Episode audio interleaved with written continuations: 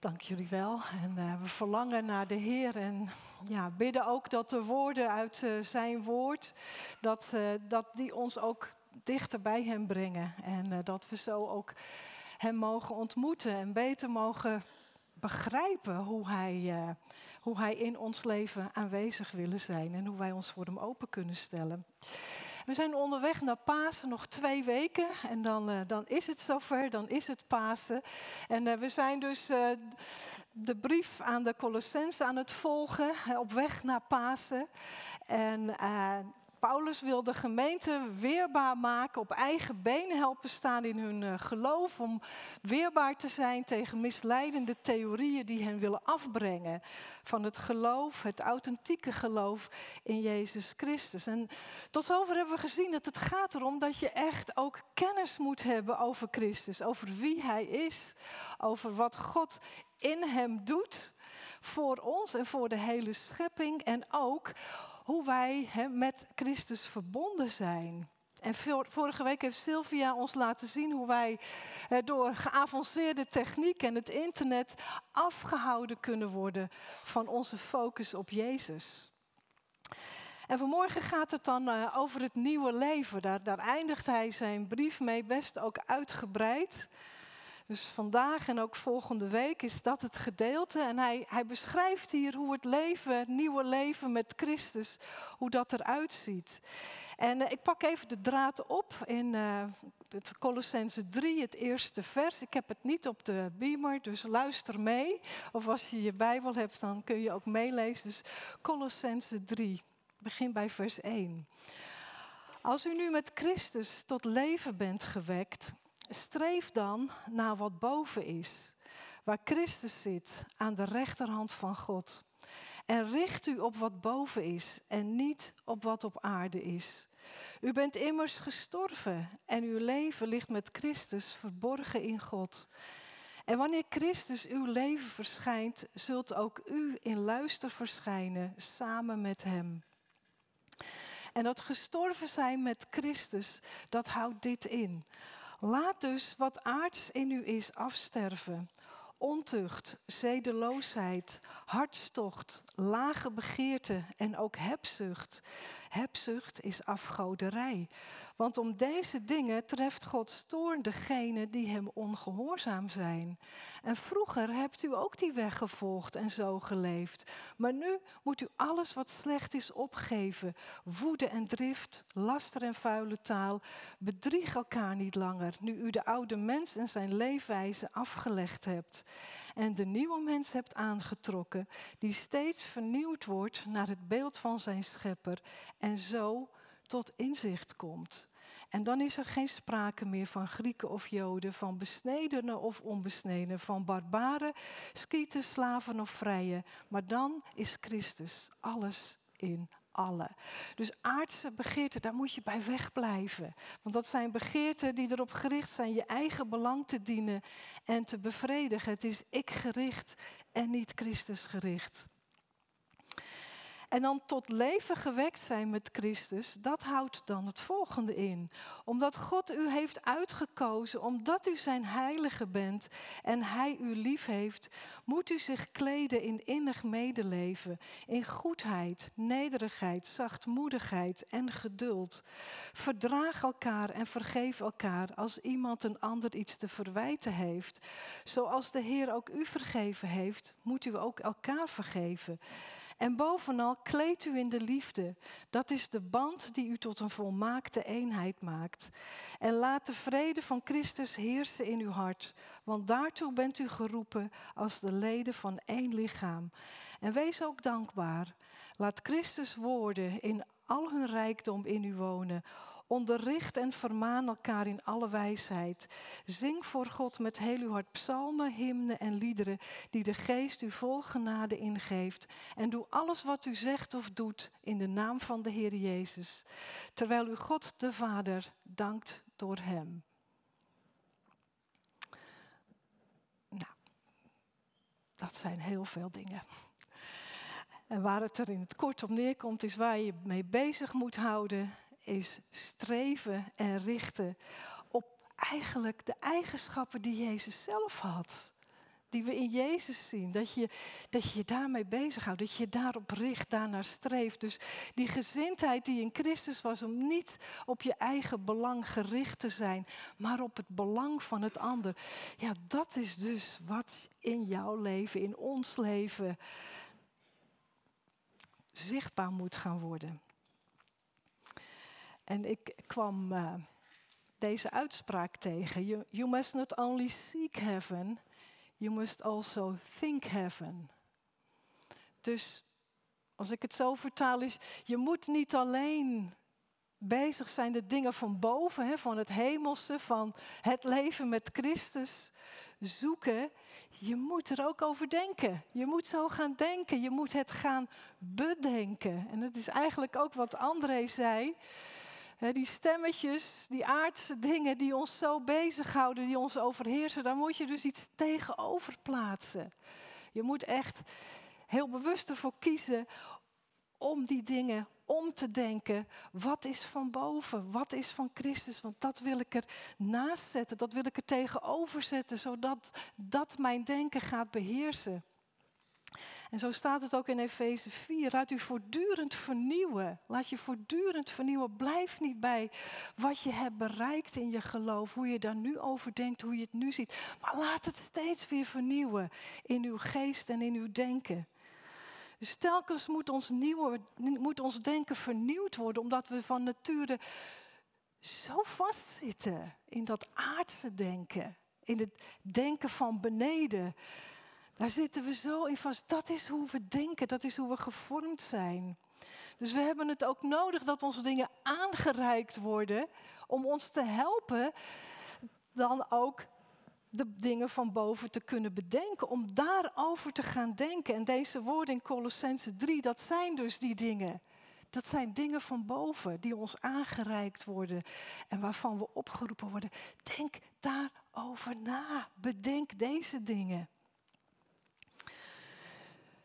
kwam uh, op een website deze beschrijving tegen. Dus de uh, website Mens en Samenleving. En er wordt dan beschreven wat het christelijk geloof inhoudt. En daar staat, staat dan dit: Christenen geloven in God. En als ze goed leven, komen ze in de hemel. En ze geloven ook dat de aarde door God is gemaakt. En christenen proberen zoals Jezus te leven. En ze vinden het vooral belangrijk om je naaste lief te hebben en Gods woord te verspreiden. Oh, dacht ik. Als ze goed leven, komen ze in de hemel. En dan zouden wij zeggen: nee, Nee, nee, nee, dat klopt niet. Nee, wij komen alleen in de hemel door geloof in Jezus, die voor ons is gestorven. Gaat het dan niet om goed leven? Ja, natuurlijk gaat het wel om goed leven. Jullie proberen toch te leven als Jezus, met Jezus als rolmodel? Ja, natuurlijk proberen we dat. Dat is ons streven, dat klopt streven, proberen. Want we ervaren allemaal dat het echt niet vanzelf gaat om, eh, om te leven zoals Jezus, om die eigenschappen die Hij had, dat die ook in ons gaan groeien. En we doen ons best daarvoor. Ja, en hoe doen we dat dan? We gaan uit van het principe dat goed voorbeeld doet goed volgen. Kinderen Hè? Die volgen het voorbeeld van hun, hun ouders. Dus het is de bedoeling dat wij een goed voorbeeld geven, want dat gaan ze nadoen, dat gaan ze nabootsen. Ja, en zo, zo doen wij dat eigenlijk ook met het leven, het navolgen van Jezus. Zoals Jezus met mensen omging, wat hij deed, wat hij zei. Ja, zo moeten wij dat ook doen. We streven zijn voorbeeld na. We bootsen het na in ons eigen leven. En dan hebben we ook hulpmiddelen om dat maar niet te vergeten. Dat we zijn voorbeeld wel moeten volgen. Bijvoorbeeld deze. Die bandjes, WWJD. What would Jesus do? Wat zou Jezus doen? En dan is het de bedoeling dat je dat omdraagt en dat je in een bepaalde situatie komt die op een of andere manier een beetje lastig is. Iemand is in nood of er is een conflict situatie. Je wordt ergens mee geconfronteerd en dan is het de bedoeling dat dat bandje je eraan herinnert dat je gaat bedenken, maar wat zou Jezus nu doen in deze situatie? Dus om het even dan ook met internetwoorden te zeggen of met computerwoorden of hoe dan ook. Copy-paste. Copy-paste. Wat Jezus deed, copy-paste in mijn eigen leven. Dus kopiëren wat Jezus deed en dat in je eigen leven plakken. En we doen echt ons best om te leven zoals Jezus. Toch? Daar doen we toch echt ons best voor. En daar zit dan ook precies de uitdaging. Dat we zo ons best doen. Want we denken dat we het ook zelf moeten kunnen. Want als ik zo die woorden lees uit Colossense, laat dit en doe dat, dan klinkt het toch ook zo dat je het zelf moet kunnen, dat we het zelf moeten kunnen. Doe weg, doe aan, dat moeten wij zelf kunnen. Dat zijn aanmoedigingen om je in te spannen, je best te doen. Het moet kunnen, ik moet het zelf kunnen, dat nieuwe leven leven.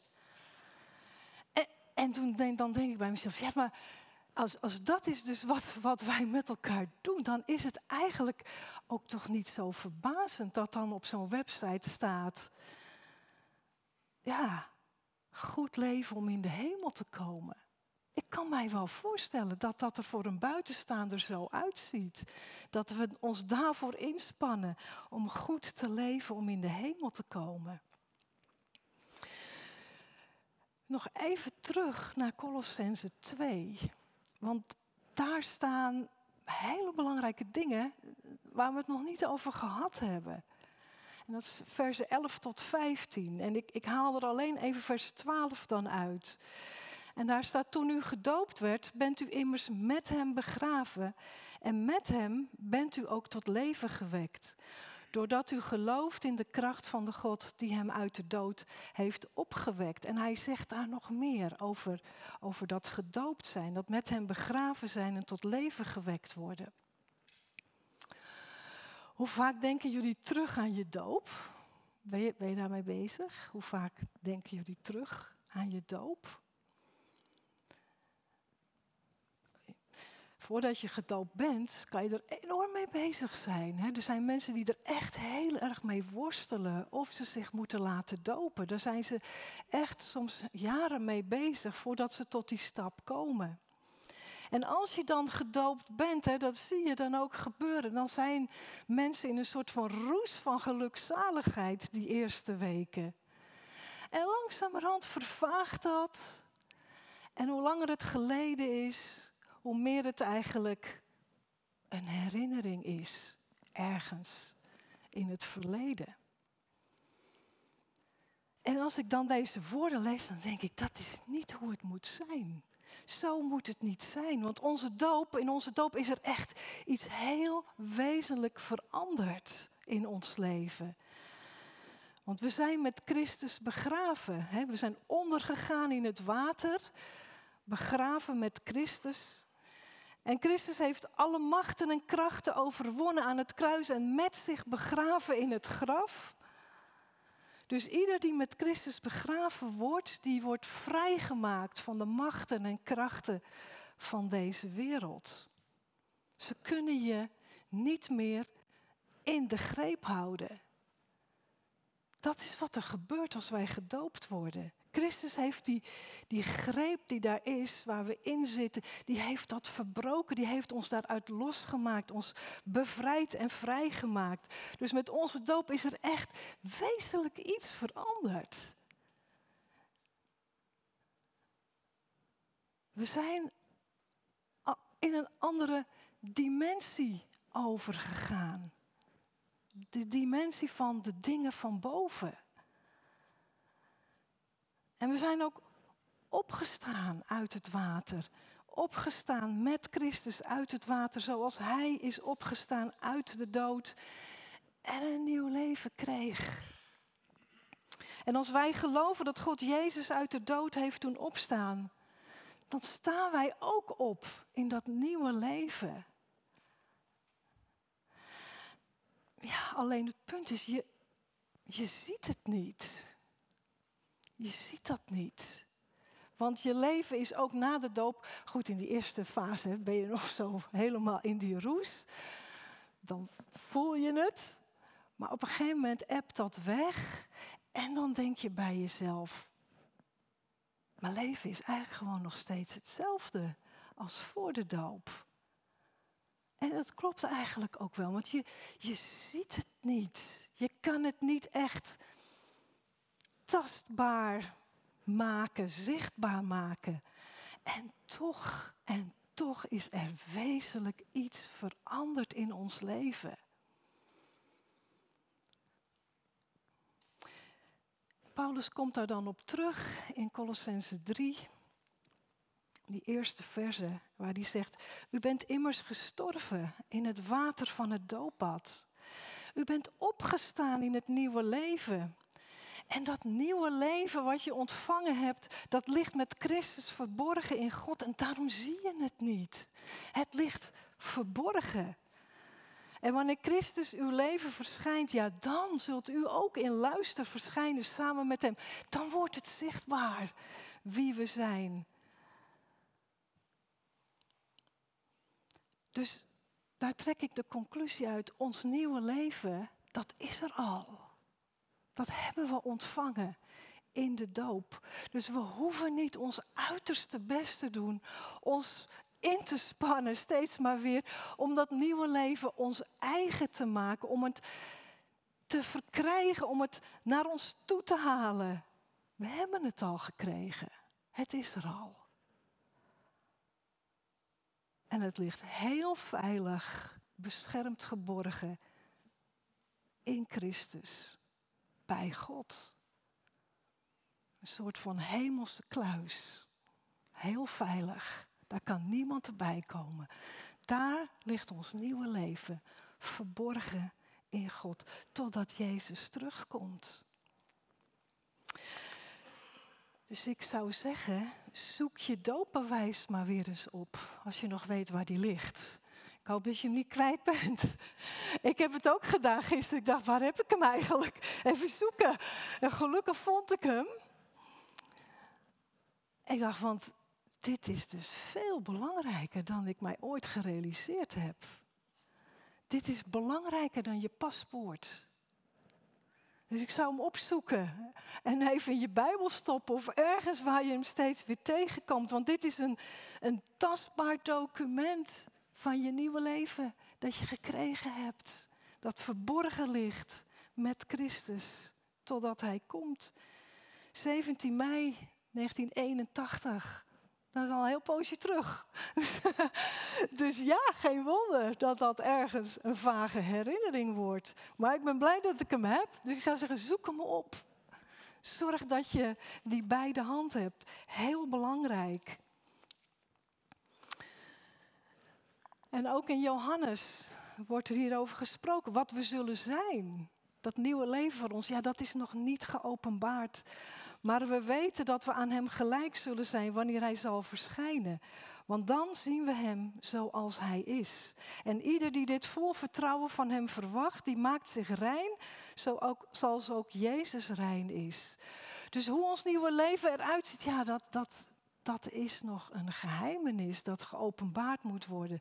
Maar we zien wel de contouren ervan. Als een soort van, van schets kunnen we al wel zien hoe dat eruit gaat zien.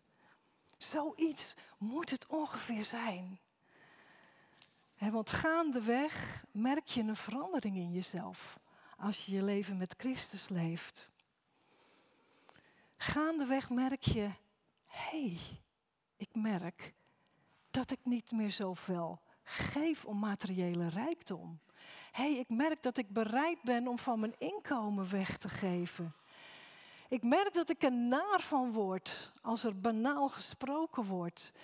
En ik merk dat ik er niet meer goed tegen kan als mensen onderdrukt of gepest worden. En ik merk dat ik het naar begin te vinden, dat ik mijn geduld verlies. Dat ik niet geduldig kan zijn. En ik krijg er ook steeds meer moeite mee dat ik zo veroordelend denk over mensen. En ik merk een verlangen om met het geloof bezig te zijn, om erover te praten, om erover te horen. Nou, je kan het zelf aanvullen. Je merkt, iets in mij is aan het veranderen. En dat is Christus in ons. En wij in Hem. Hij doet dat in ons. En dat is die schets. De contouren van het nieuwe leven dat we gekregen hebben. Een nieuw leven ontvangen als geschenk van God uit liefde voor ons. En we leven nog wel hier in het aardse, hè, in het, de dingen van beneden, waar die begeertes en die machten nog een invloed kunnen hebben. Maar we worden opgeroepen om alvast ons uit te strekken naar dat nieuwe leven. En er nu al mee te beginnen om het te leven uit dank aan de Heer. Niet als een must, maar als dank. Dank u Heer voor wat u ons geeft. Uit liefde voor u willen wij leven tot uw eer, want wij behoren u toe. You must not only seek heaven, but you must also think heaven. Dus niet alleen streven ernaar, de dingen van boven, maar die dingen van boven ook bedenken. Bedenken dat wij niet meer in de greep vastzitten van de aardse begeert. Dat we daar niet meer aan gebonden zijn, maar dat we vrijgemaakt zijn daarvan. Toen we met Christus begraven werden. Bedenken dat Christus in ons is en wij in Hem. Bedenken wat dat betekent. Bedenken dat Zijn Heilige Geest in ons woont. En dat Zijn Geest ons dat verlangen, de wil en de kracht geeft om dat nieuwe leven te kunnen leven bedenken dat het er niet om gaat copy-paste wat Jezus deed. Dat het er niet om gaat zijn voorbeeld na te bootsen omdat het ons niet lukt dat te doen door heel erg ons best te doen. Dat we het gewoonweg niet voor elkaar krijgen om altijd verdraagzaam te zijn. Dat het gewoon verdraaide moeilijk is om te vergeven. En dat het zo'n worsteling is om nederig te zijn. Ik wil het wel. Het lukt me niet. En dat is wat Paulus zegt. Immers, ik besef dat in mij, in mijn aardse natuur, het goede niet aanwezig is. Ik wil het goede wel, maar het goede doen kan ik niet. Want ik doe niet wat ik wil, het goede, maar juist wat ik niet wil, het kwade, dat doe ik. Erkenning. Dit is erkenning. Ik kan het uit eigen kracht niet om dat nieuwe leven te leven, hoe ik ook mijn best doe. En het is erkenning, Heer, ik ben afhankelijk van U. U kan het in mij.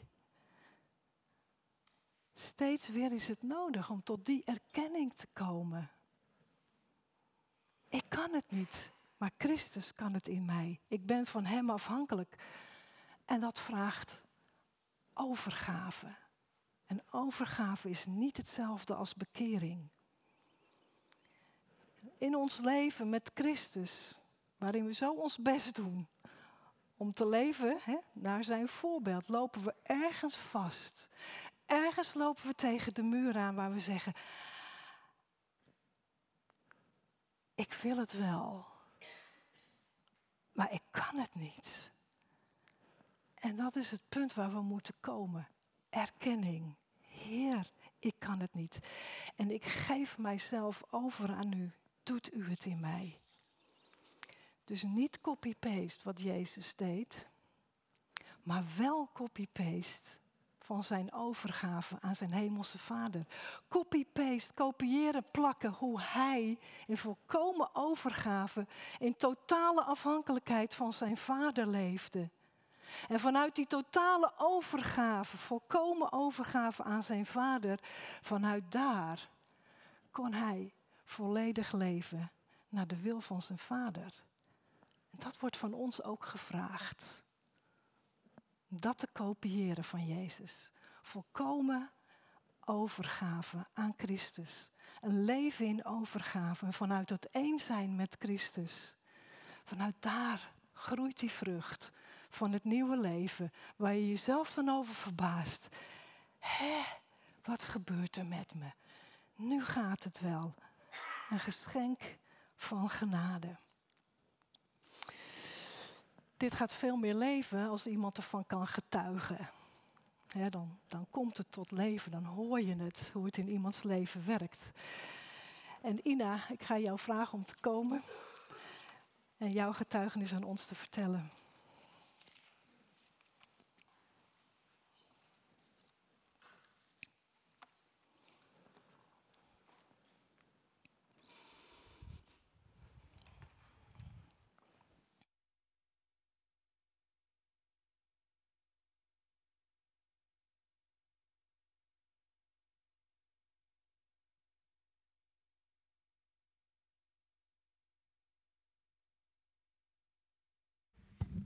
Doet hij het? Ja.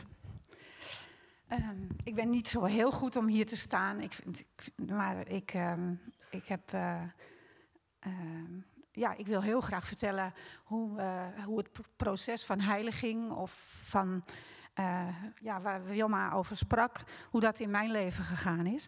Ik denk dat het goed is dat ik eerst even vertel dat ik uh, christelijk ben opgevoed. En in mijn jeugd uh, bij Youth for Christ terechtgekomen ben. En daar mijn vrienden had en medewerker was. En um, mijn geloof ontwikkeld is en gegroeid is. En zelfs dat ik daar NAS ook door heb leren kennen.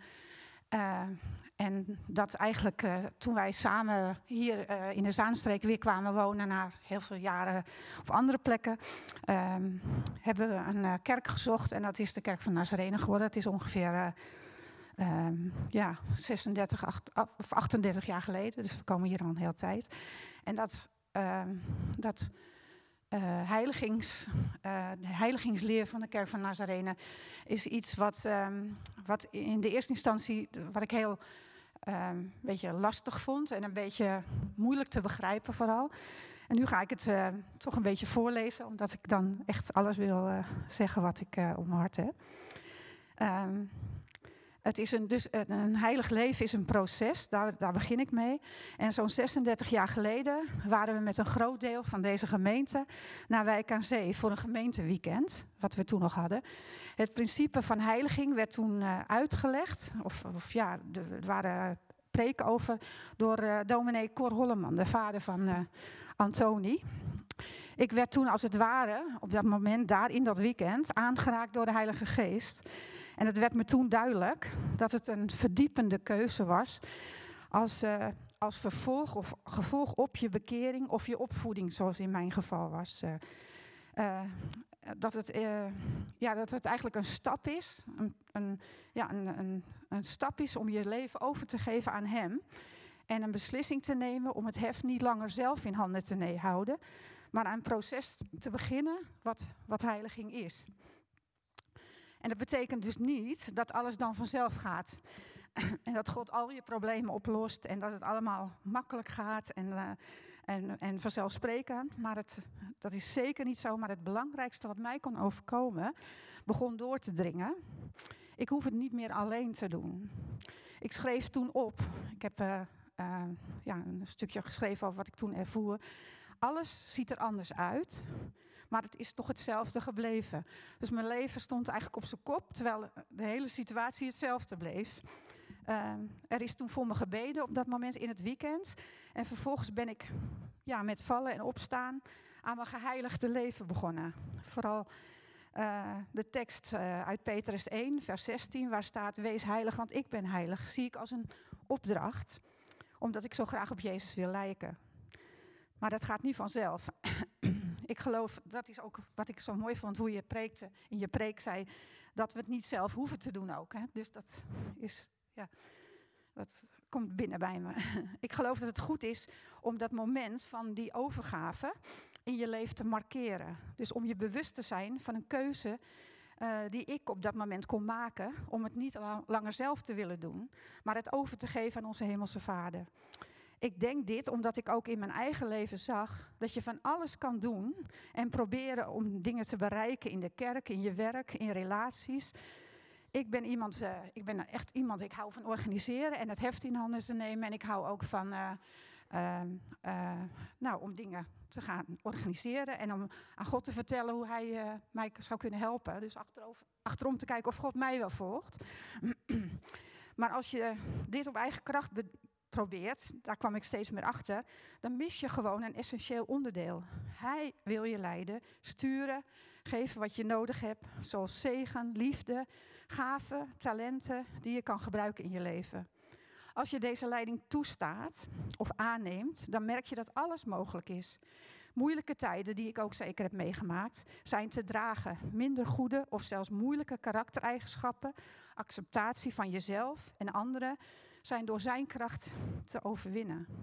Bijvoorbeeld in mijn leven is dat ik uh, vroeger altijd best wel een, uh, een, een, oordeel had over mensen die niet naar de kerk wilden komen. Ik dacht altijd van ja, je kan naar de kerk komen, je bent welkom, je kan binnenkomen en dan kan je alles horen. En als je dat niet wil, dan wil je dat niet. Maar ik ben zo door, de, um, ja, door, de, door, het, door het leven hier in deze gemeente en door het geven bijvoorbeeld van de Alpha-cursus zo uh, ja, daarin veranderd. Ik heb gewoon zo gemerkt dat God daar in mijn leven in werkte en me liet zien hoe ik dat heel anders kon zien. Ik had er best een fanatieke me uh, mening over. Ook stond ik er uh, vroeger zeker onbekend dat ik snel, ik was altijd heel snel met mijn oordeel. Ik kan heel snel zeggen van dit vind ik mooi, dat niet. Of die vind ik aardig en die niet. En, ook en dat ook vaak uh, gewoon dropte. En vaak niet, niet eens door had wat ik teweeg bracht. Ook mijn minderwaardigheidsgevoel was duidelijk aanwezig. Hoe groot ik was, hoe dik, uh, hoe, hoe ik altijd opviel, omdat ik zo lang ben. Natuurlijk zijn dit karaktereigenschappen die mijn leven nog blijven, in mijn leven blijven opduiken. En die me soms ook nog beter kunnen pakken. Maar altijd weet ik weer dat ik in dat proces uh, met God samen, dat ik het over mag geven aan Hem. En hierbij is uh, bidden van onschatbare waarde en vooral danken. Ik geloof echt, mijn gebed is, is in dank naar God. Ik dank Hem voor, want Hij weet alles al. Hij, hij weet ook wat, wat goed voor me is en wat ik zelf vaak niet zie. Maar het is gewoon een onmisbaar ding om te danken. Um, nog een mooi, maar uh, best lastig gevolg van heiliging is dat ik mag weten dat mijn oordeel over wat dan ook uh, niet belangrijk is voor God en zelfs schadelijk kan zijn voor mijn medemens. Ik mag daarin ontspannen. Hoe moeilijk dat soms ook is. Het is soms makkelijker om duidelijk voor ogen te hebben wat is goed, wat is fout, wat mag je wel, wat mag je niet als christen, hoe moet je je gedragen, eigenlijk wat Wilma ook uh, zei. Uh, wat ik moet afkeuren als christen. Uh, hoe moet ik de Bijbel interpreteren? Allemaal vragen en dingen die niet altijd makkelijk zijn. Maar uh, eigenlijk probeer ik te leven met wat zou Jezus doen en vinden. Ehm, soms weet ik daar het antwoord niet op. Maar ik heb ook van Mary gele geleerd in, uh, in onze Bijbelstudies die we vroeger hadden. Je hoeft niet op alle vragen antwoorden te hebben. En ehm, ik mag het ook bij hem brengen. Natuurlijk hebben we allemaal, en ik dus ook, mijn mening klaar over wat wel en niet goed is. Maar hoe belangrijk is het juist om genade en liefde de boventoon te laten voeren? En ik denk, als ik dat zelf niet doe, dan gebeurt het gewoon. En dat is nou juist wat ik probeer over te brengen. Ik ervaar een vrijheid en een ontspanning die ik bijna niet kan begrijpen. Ik zie een plan dat geen mens kan verzinnen. Uh, hoe, een liefde en een genade die zo prachtig en volmaakt is, dat ik zeker niet uit eigen kracht kan pakken en vasthouden ook. Maar hij, de Almachtige, ik heb dat ooit in een boek gelezen, dat een stam in India, in, in Amerika, uh, Indianen, hem de Almachtige noemen. En dat vind ik zo mooi als je weet dat we hem ook onze vader mogen noemen. Die, dat, is, dat is gewoon niet te begrijpen eigenlijk. Uh, dat we een groot God onze vader mogen noemen. En dat is een plan wat hij alleen maar heeft kunnen verzinnen. Hoe, hoe dat werkt. En dat, dat, ja, dat, dat helpt je met je vragen, je twijfels, je onzekerheden bij alles. Ik zou jullie eigenlijk um, willen aanmoedigen om dit prachtige cadeau uh, aan te nemen. Voor zover je dat nog niet gedaan hebt natuurlijk. Een stap in geloof te nemen, het proces in te gaan, het geloofsgesprek gaan voeren met je medemensen, met je medebroeders en zusters en samen te bidden. Zodat je een stap kan nemen die je kan markeren. Uh, zoals ik dat in het uh, gemeenteweekend heb uh, gedaan. Om een geheiligd leven proces te beginnen. Dus het is niet iets wat je gaat beginnen en waar je naartoe. Het is nu en je gaat met elkaar ervoor. Misschien een iets te eenvoudige gedachte van mij. Voor ons als gemeente kan dit betekenen dat we steeds minder activiteiten hoeven te verzinnen of gunstige omstandigheden te creëren of het mooier te maken om ons samen te binden en te activeren. Ik denk dan dat alle activiteiten en onze liefde voor elkaar een gevolg zijn. Dus alles wat we dan met elkaar doen is een gevolg van het feit dat we onszelf aan Hem hebben overgegeven. En dat we het niet langer zelf allemaal doen. Omdat het uh, ons samenbindt en uh, ja, dat, het, dat we bij de bron van het leven zijn. En dan kunnen we niet onbelangrijk, het gevolg kan zijn dat we het ook door kunnen geven in ons leven aan anderen. En een mooi beeld wat ik las, daar wil ik mee eindigen. Als we, al, als we alle schapen bij de bron willen houden, dan hopelijk niet omdat er een hek om het weiland staat, maar omdat de schapen begrijpen dat ze alleen echt kunnen leven door dicht bij de bron te blijven. Ik hoop dat we elkaar blijven ontmoeten bij die bron. Dank jullie wel.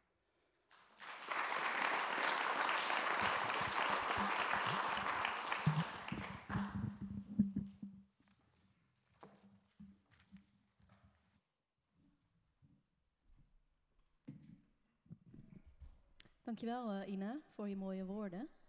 Ik herken het heel erg. Het zal jullie niet verbazen. Ik kan ook snel mening hebben en vind van alles. En ben ook heel erg in dat proces aan het leren om dingen los te laten, aan God te geven uh, en me te laten vormen. En, en ja, die, ik moest zelf heel erg denken tijdens de preek, maar ook weer tijdens de getuigenis van Ina. Um, aan een film die ik een tijd terug heb gezien waarin een prinses trouwt met een koning, eh, of een, gewoon een normaal meisje trouwt met een Princess Diaries heet die. Dat meisje was gewoon een normaal meisje, die stapt in een huwelijk met iemand die koning gaat worden van een land en in één keer verandert die identiteit. En toen dacht ik, ja, tuurlijk moet ze dingen leren met heel veel hulp en wordt ze gevormd, maar dat zij koningin wordt, dat staat gewoon vast. Of ze het nou heel goed doet of niet. Zeg maar, die titel heb je en uh, je mag leren om in die rol te gaan leven. En dat vind ik een heel mooi avontuur. En ook zeker om dat samen te doen met medegelovigen en daar gesprekken over te voeren. En dan te ervaren dat je inderdaad langzaamaan gevormd wordt met elkaar. Dat vind ik een heel, heel mooi proces en iets wat inderdaad echt alleen maar bedacht kan zijn door, door een God die van ons houdt en die het allemaal in de hand heeft. En uh, het volgende lied wat we gaan zingen is Ik kniel neer en beleid. Uh, u bent hier in dit huis. En dat geldt zowel natuurlijk voor dit huis, maar ik ervaar dat lied ook altijd heel erg als het huis als in mijn leven. Zo van in mij bent u de Heer. En dat lied helpt mij heel erg om weer te beseffen en stil te staan van, oh ja, ik ben een samenwerking aangegaan. Het is niet mijn wil, maar Gods wil. God is Heer in mijn leven. Dus ik nodig jullie ook uit om het misschien op die manier te zingen en te ervaren. En uh, ja, laten we daarbij gaan staan of gaan knielen, wat voor jullie fijn is om die woorden echt door te laten dringen.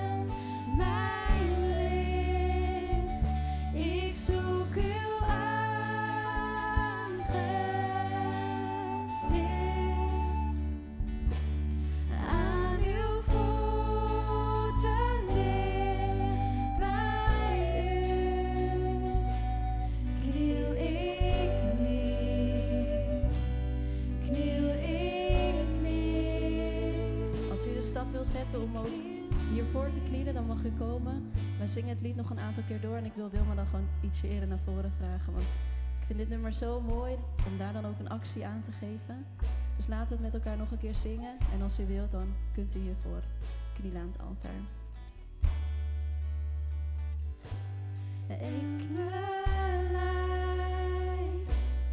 u bent hier in dit huis. U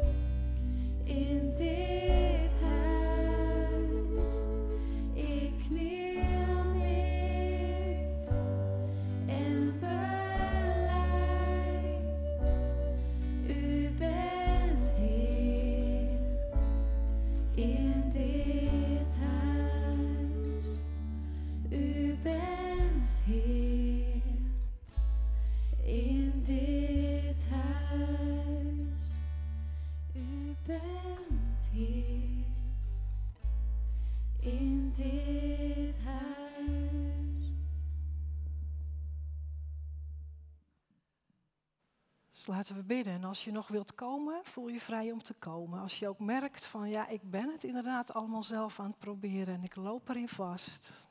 Geef jezelf over, neem die stap. Jezus wacht ons op met open armen.